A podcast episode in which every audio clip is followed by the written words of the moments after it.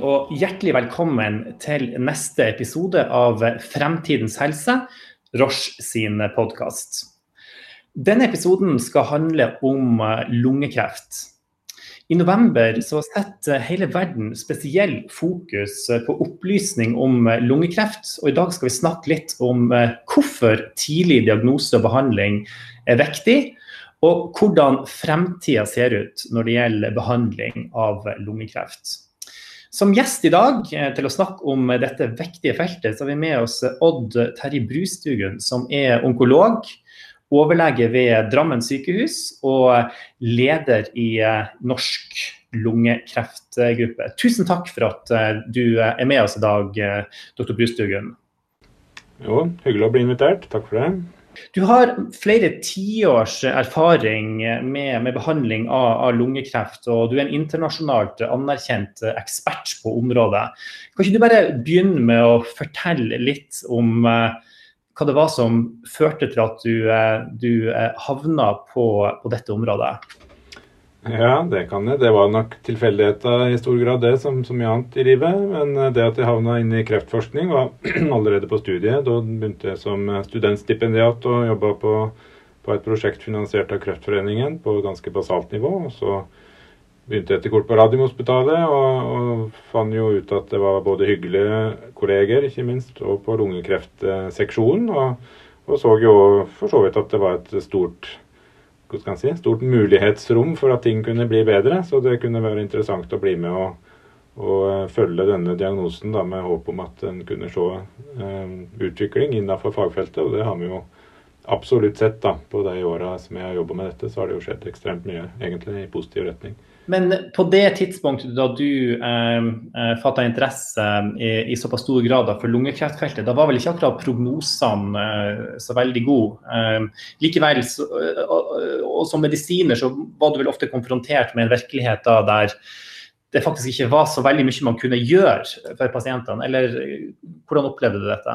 Nei, det var riktig det. Det var jo ofte veldig begrensa muligheter. Men, men, da var det jo også dette med strålebehandling som begynte å komme. og det var jo det, det som er litt gøy sagt med onkologi, at det er en, en kobling mellom både biologi og fysikk innenfor strålebehandlingen. og ja, og samtale ved livets slutt, ikke sant, som har en ganske stort spekter innenfor det yrket og den arbeidsdagen. Så og det med strålebehandling det begynte jo å komme allerede ganske tidlig på 2000-tallet med, med, nye muligheter med, etter hvert med stereotaksi osv., som jo er også en ganske avansert og, og um, interessant måte å gi strålebehandling som kan ha veldig god effekt og, og lite bivirkninger. Så, så, det var kanskje den første nye store tingen som kom, var dette med utvikling innenfor stråleterapien. Jeg forstår. Så du har vært med på det som har vært virkelig rivende utvikling på feltet, ikke sant? Mm.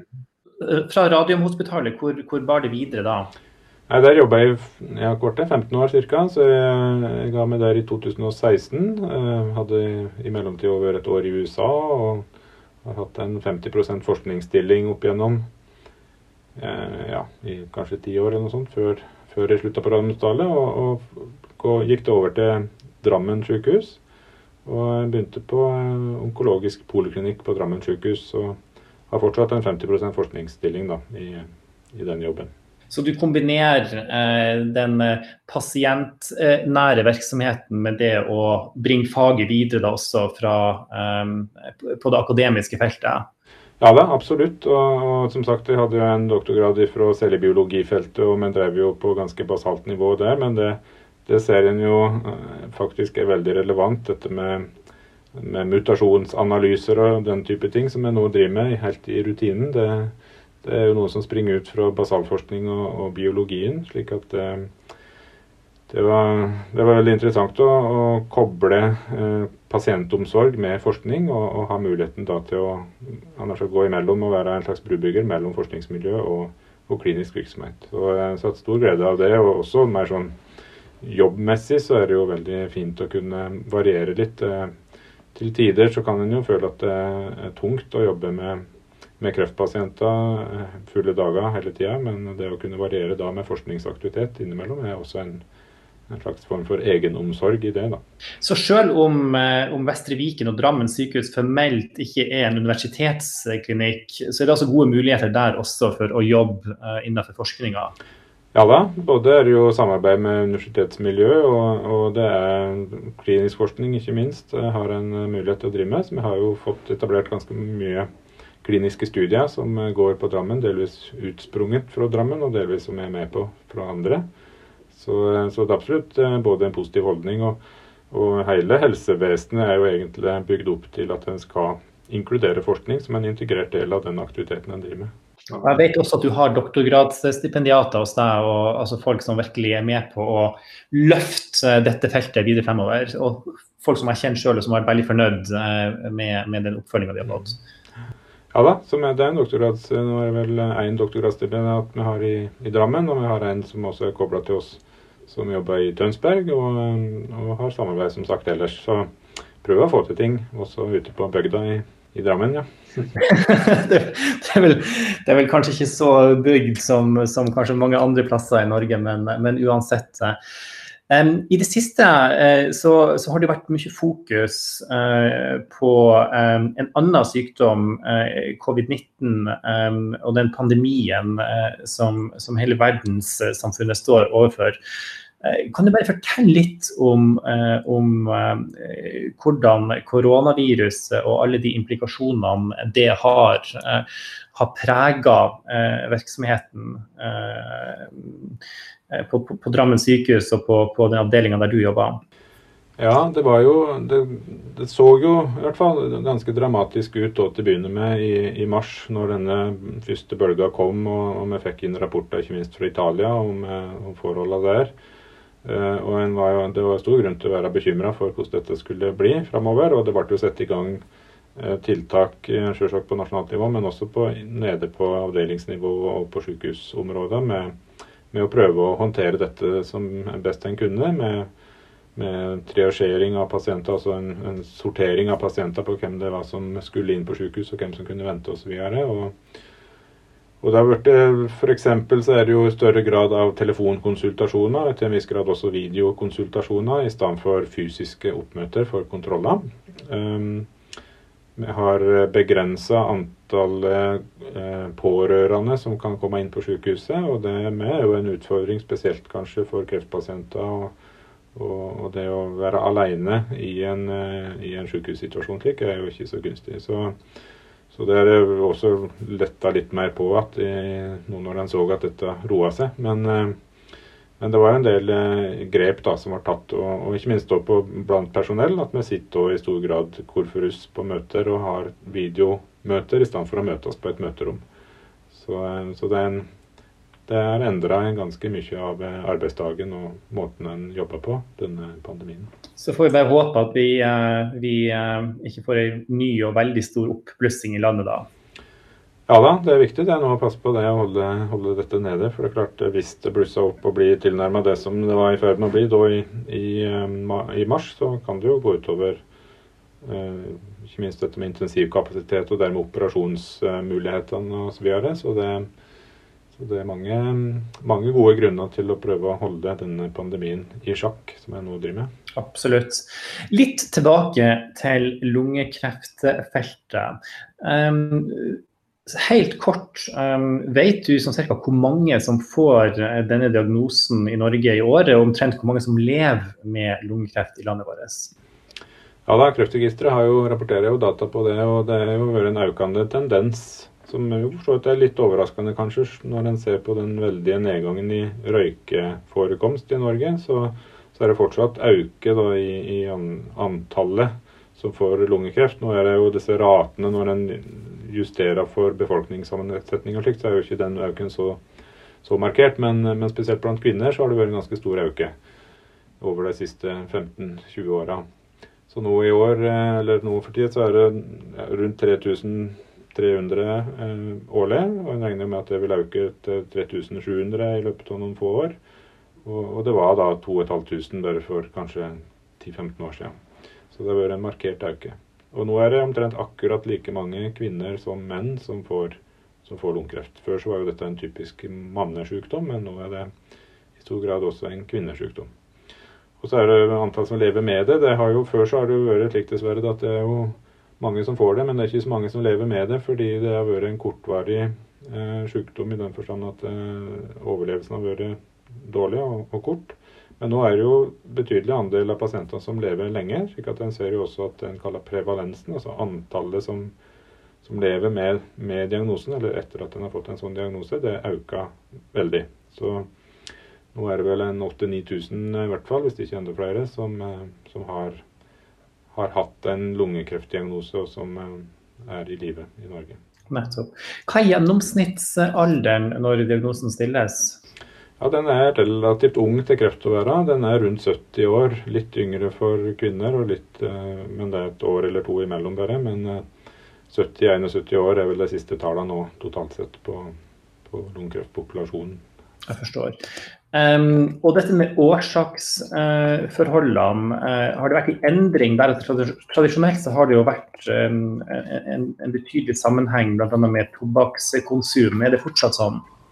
Ja da, det er nok absolutt fortsatt sånn. slik at de aller fleste som får lungekreft, uh, har røyka i større eller mindre grad, og helst større grad.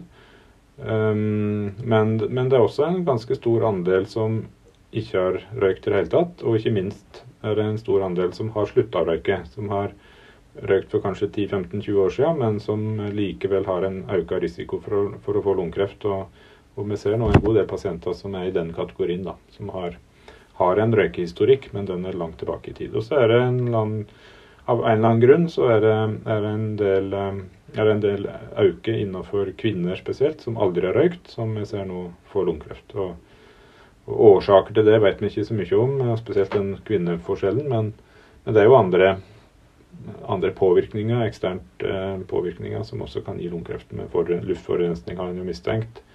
Radongass er jo diskutert. Det er vel kanskje mindre grad så med, med bare radon uten røyking sammen med det, men, men det med kan jo være en faktor, da.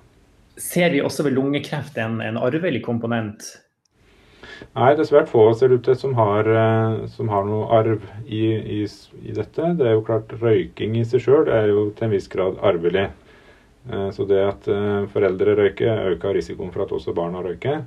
Men, men biologisk sett så ser det ikke ut til at det er i hvert fall ikke en, en betydelig andel som har noe arvelighetskomponent innenfor lungekreft. Det, er helt sjeldent, sjeldne tilfeller i så fall at en ser en oppbukning i familien.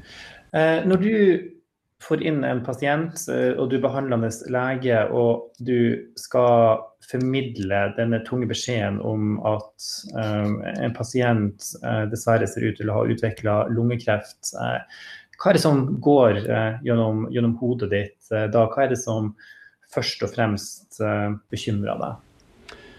Nei, det er jo, I hvert fall så er det jo slik nå at uh, det er større grunn til å være optimist nå enn bare for noen få år siden. Så det er jo kanskje det aller viktigste. At det, det er slett ikke slik at det er gitt at selv om man har fått lungekreft, så, så er prognosen ekstremt dårlig og, og, og, døden er nært forestående. Det er mange som, som jeg har sagt, som lever lenge med, med sin lungekreft, og, og som ja, og den andelen øka. Så, men det er klart likevel det er en alvorlig sykdom og et, et dramatisk, eh, en dramatisk beskjed å både, både, gi, men selvsagt mest å få. Men, eh, men, som onkolog da, så er det jo også slik at de fleste pasientene har jo allerede fått beskjeden om dette fra utredende lege. Vi som onkologer er ikke de som, er ikke som setter diagnosen. Det blir gjerne gjort av en eh, lungelege eller eller en annen spesialitet. Men, eh, så den kreftdiagnosen er som regel kjent når det kommer til oss. da. Så, sånn sett så blir vi spart for å overbringe den første dramatiske beskjeden. Jeg forstår. Du nevner at det er mer grunn eh, til å være optimist nå i dag enn enn tidligere. Hvorfor det? Ja, det er mange årsaker for så vidt, men det ene av det er jo selvsagt at det er større andel som blir oppdaga i et tidlig stadium.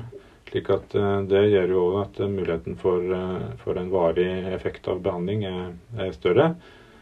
Men så er det jo dette med at vi nå har betydelig bedre behandlingsmuligheter også for, for de som har en, har en langkommen sykdom. Nå er det både dette med immunterapi og, og målretta behandling spesielt, de to gruppene der, som, som viser å ha veldig god effekt hos mange pasienter. Det finnes flere forskjellige former for, for lungekreft. Kan du si helt kort uh, hva som karakteriserer de, de viktigste formene, og, også litt om hvordan de gjerne blir oppdaga. Ja, oppdaga blir det vel ganske likt, da, uavhengig av hvilken type lungekreft det er. da. Så det, det, er jo ofte For det er jo ikke så veldig mange typiske symptom. slik at det er jo, det er jo ofte langkommet da når det blir oppdaga mange av disse mange, av tilfellene. Men, men, det er da likevel økende andel da, som får oppdaga det i tidlig stadium, ofte pga. et tilfeldig funn på et røntgenbilde som er tatt i en annen sammenheng. Ehm, men det er altså to hovedtyper lungekreft. Det er noe som kalles småcella lungekreft, og noe som kalles ikke-småcella lungekreft. Og, eh, og småcella, der har det ikke skjedd så fryktelig mye på behandlingstida de siste åra, så, så, det er fortsatt en, eh, en sykdom som, eh, som blir behandla tradisjonelt, kan en si, med strålebehandling og cellegift bare. Um, men men når det gjelder den ikke-småcella gruppa, som er den største, rundt ja, 85 av alle har denne ikke-småcella. Eh, der er det også undergrupper, da, men uh, hovedsakelig så er det to forskjellige vevstyper. Plateepitelkarsinom og adenokarsinom. Og, de, da, alle disse kan da få immunterapi sammen med cellegift nå, hvis det er langkommen sykdom. Og så er det nå noen av disse som har spesielle mutasjoner som en da kan behandle med målrettet behandling. Så det er på en måte en egen undertype av lungekreft. Når du nevner dette med målrettet behandling, toucher vi da litt inn på dette feltet med persontilpassa medisin, og, og, og, hva slags muligheter ser vi eventuelt der? Ja da, det er jo det. Så nå er det jo slik at alle som eh, får eh, diagnostisert lungekreft av, eh, av denne ikke-småcella typen, og av denne hovedundergruppen der igjen, som heter adenokarsinom, alle de skal testes nå for ulike mutasjoner.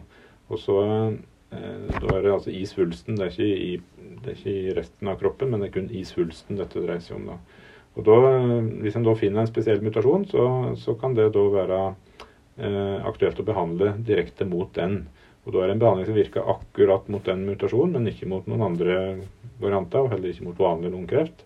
Så en må tilpasse behandlingen til den enkelte personens eh, genetiske status i svulsten. da. Og dermed så er det jo det, er jo det som oftest blir omtalt da, som persontilpassa medisin, som du sier.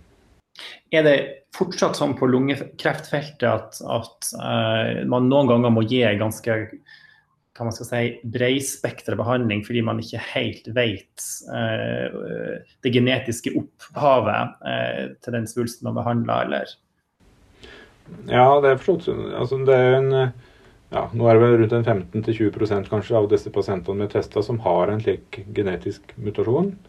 Eh, mens alle de andre de skal da ha, ha på en måte standardbehandlingen, som er eh, immunterapi, enten alene eller i kombinasjon med cellegift. Så det er jo kan du si en mer breispektra behandling, men, men da eh, aktuell aktuelle for de som da ikke har sånne spesifikke genforandringer. Da. De siste årene har det vært en god del fokus eh, på, på, forebygging av lungekreft. Hvordan kan vi forebygge denne sykdommen? Uh, selvfølgelig, jeg vet man bør ikke røyke, men hva slags andre ting kan man også gjøre? Mm. Nei, ja, det er jo likevel det, er jo det som er det klart viktigste. da, Å få folk til å ikke røyke. Og også denne såkalte av-og-til-røykinga, eller festrøyking, som noen driver med, det er jo heller ikke gunstig. Så, så, det er nok mange som tenker at en røyker bare litt, og det er ikke farlig. Men, men det viser det nok at, eh, at all røyking har, har betydning for uh, lungekreftrisiko. Um, men så ellers så er det ikke så mange andre muligheter for å rett og slett å forebygge det. Men det er jo det å oppdage det tidlig da, kanskje som er neste trinn. Uh, og da er jo dette med screening en, en uh, ting som nå blir diskutert mye, og som jo viser også lovende resultater og kan nok komme til å bli uh, noe vi skal innføre. Dersom man skal gå for screening, hva slags segment i befolkninga bør, bør, et sånt initiativ omfatte etter ditt syn? Og sånn cirka i hva slags aldersgruppe bør, bør et sånt tiltak gjennomføres i? Ja, Foreløpig er screening aktuelt med, med CT, altså en bruk av CT-bilder som et metode for å screene. En håper jo på sikt at en kanskje kan komme over på f.eks. blodprøver eller en, en spyttprøve eller et eller annet sånt, men foreløpig er det CT. Og da, da kan en ikke skrine alle med CT, så en må velge ut noen. Og da, uh, de data som foreligger foreløpig, er, er det, de som har røykt da over en viss grense med, med antall sigaretter per dag i et visst antall år. og som er innenfor en viss aldersgruppe. og Da ser det ut til at det, det er ikke noe grunn til å skrine personer som er under en, ja, 55 år eller noe sånt. Så det er fra 55 og oppover som vil kunne være eh, aktuelle for lungekreftskrining med CT. Har det vært gjennomført forsøk med dette i andre land, eller? Ja da, det er gjennomført mange studier på det. Eller i hvert fall ja, mange, men uh, et par som er virkelig store og som har konkludert med at dette har noe for seg. slik at det er på en måte ikke noe tvil lenger om at screening uh, reduserer risikoen for å dø av lungekreft i befolkningen. og uh, det er nå nettopp blitt tildelt en, en sum penger fra Kreftforeningen nå til et prosjekt i Norge. Så, så, nå skal vi i gang også i Norge med et slags pilotprosjekt for lungekreftscreening og ikke for å se om det virker, for det vet vi, men det er mer for å se hvordan vi kan innføre eventuell screening. Så det er en slags eh, ja, uttesting av metoden på, på hvordan er best måten å finne, finne personene som er aktuelle for dette, og hvordan en skal sette opp selve programmet da, for screening. Så det er spennende å komme i gang med det. Og dette er i en erkjennelse av at tidlig diagnose er helt avgjørende for, for overlevelsen, ikke sant? Ja, det er jo det. at uh, Lungekreft er som jeg var inne på tidligere, veldig vanskelig å oppdage. Det er ikke noen spesifikke symptom. Det er ikke en kur du kan kjenne på på utsida av kroppen. Uh, eller noen andre ting som gjør at du kan mistenke at det er noe på gang. Det, det er først når det kommer veldig langt uh, og kanskje har spredd seg, at en, at en virkelig kan oppdage symptomer av lungekreft. Så det, Derfor så er screening da en måte å fange opp sykdommen før den gir seg til kjenne på annen måte. Du er jo ganske aktiv eh, også på det helsepolitiske feltet, og du er en ambassadør eh, for, for eh, lungekreftfeltet på den nasjonale arenaen. Får dette området den oppmerksomheten det fortjener, etter ditt syn? Ja, Vi føler i hvert fall at det er blitt bedre enn det det var. Jeg syns jo det at det har at lungekreft Det var jo en en, en sagt, usynlig sykdom, og som jeg var inne på, det var lite å gjøre, lite å tilby og liten interesse for forskning innenfor dette med, for det var, det var eh, dystre eh, prognoser. Men det har jo endra seg nå veldig, slik at det er veldig stort fokus innenfor forskningsområder, både fra legemiddelindustrien og fra akademisk side. Og det er nok, eh, syns nok også det at lungekreftpasientene med større grad av eh, nær sagt stolthet eh, står fram i media. At det, det, er ikke noe som en skammer seg over på noen måte. og Det er ingen grunn til. Det er ikke noe annen sykdom dette enn alle andre sykdommer. Og slik at den, den, standingen som lungekreft har nå, tror jeg kanskje er ganske betydelig forskjellig i forhold til det den var for kanskje bare 10-15 år siden. Men det er klart, fortsatt så er det jo, det, det er jo den helt klart mest alvorlige kreftformen i den forstand at den som tar flest leveår i Norge. Den tar jo like mange leveår som brystkreft og prostatakreft og, og tjukktarmskreft til sammen i Norge. Så, så, det skulle bare mangle at den ikke har oppmerksomhet. Og forhåpentligvis så, så um, får det enda, enda, mer av det, og større fokus, og, og dermed større tilgang til ressurser for å kunne hjelpe pasientene som får dette, her, og forebygging. Når du snakker om at eh, sykdomsfeltet har fått en, fått en høyere standing, gjelder det også liksom internt i de medisinske miljøene, og at du ser en økende interesse også blant kolleger? Eh, for å jobbe på dette området, eller? Eh? Ja, det jo, Jeg har ikke sett noen oppdaterte studier på det. For det var jo noen studier for noen år siden som viste at lungekreft lå liksom langt nede i, i, feltet når det gjaldt et slags prestisjekåring. Men jeg mistenker jo at den, den plasseringa har, at den har rykka framover i feltet på det. Um, og jeg ser jo det også fra kolleger, at det er mange som syns det er veldig spennende å jobbe med lungekreft. For nå er det så mange muligheter. og og en, eh, en får, får, veldig mange fornøyde pasienter når en driver med lungekreft. Og det er jo veldig hyggelig, og noe som også er med på å gjøre det interessant å jobbe med. Mange muligheter, ja, doktor Brusthugen. Hva slags håp har du for, for fremtida når det gjelder diagnose og behandling av lungekreft? Det, det, er jo mange ting som gjør at en kan være håpefull nå. Det er klart Dette med immunterapi som jeg har vært så vidt innom, er jo noe vi sannsynligvis bare ser starten av. Det er jo bare noen bitte få år vi har hatt muligheten til å tilby immunterapi. Og, og det er på en måte ett angrepspunkt vi har lært oss å bruke. Eh, men vi vet at immunsystemet er ekstremt komplisert. Så det å, å finne, finne mer ut av hvordan vi skal utnytte det best mulig for å kunne gi en best mulig behandling, det tror jeg der er det stort håp at en kan komme dit. Og Sammen med dette med, med målretta behandling, med at en utvider og gjør i større grad for muligheten til å teste alle pasienter for en stor, en, et stort antall forskjellige mutasjoner. Det er noe som vi ser framover vil komme. Og så er det, er jo det at forhåpentligvis så blir, blir effekten av at røykeforekomsten eh, har gått så ned, at vi begynner å se det snart, det er jo grunn til å være håpfull på, slik at færre blir ramma av av sykdommen. Men selv om en fjerner all eh, røyking i samfunnet, så antar en jo at lungekreft vil være den sjuende hyppigste kreftformen av alle. Så for det er en stor andel, eh, eller et stort antall pasienter som, som får lungekreft som ikke har røykt. Selv om andelen av, av alle som får lungekreft er relativt liten, så er det fortsatt en stor gruppe pasienter. Så lungekreft vil alltid være en vesentlig kreftform. Jeg forstår. Eh, en stor utfordring naturligvis for den enkelte pasient, men, men også for, for, samfunnet som helhet. Men samtidig også virkelig et område med ei rivende og ei positiv utvikling. Eh, eh, så vidt jeg forstår. Du er i alle fall motivert for å fortsette å jobbe på feltet, så vidt jeg forstår?